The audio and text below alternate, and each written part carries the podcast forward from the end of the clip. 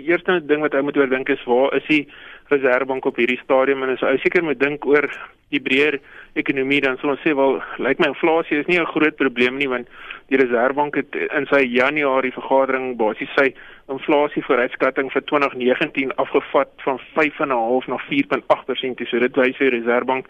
is nie te bekommerd oor oor inflasie nie. Ek dink die groot vraag wat ons nou gaan hê is is rondom groei. Ek dink hulle het nog in die in die Januarie vergadering 1.7% vir BBP groei gehad, maar ek dink daar's 'n redelike bekommernis in die in die markte rondom die sterkte van die groei in Suid-Afrika want jy weet nou met die al die beerkrag wat ons het, dink ons die groei kan 'n bietjie laer wees veral in, in kwartaal 1. So dit gaan môre vir ons interessant wees rondom wat gaan die Reservebank doen rondom sy sy groei vooruitskatting. Nou dit is nou 'n lang storie om te sê wat dit beteken maar vir my sê dit maar jy weet as as groei laag is en inflasie is kom ons sê in die middel van die teiken dan is dit net maar eintlik 'n omgewing waar die Reservebank nou nie veel kan regtig koerse opsit nie want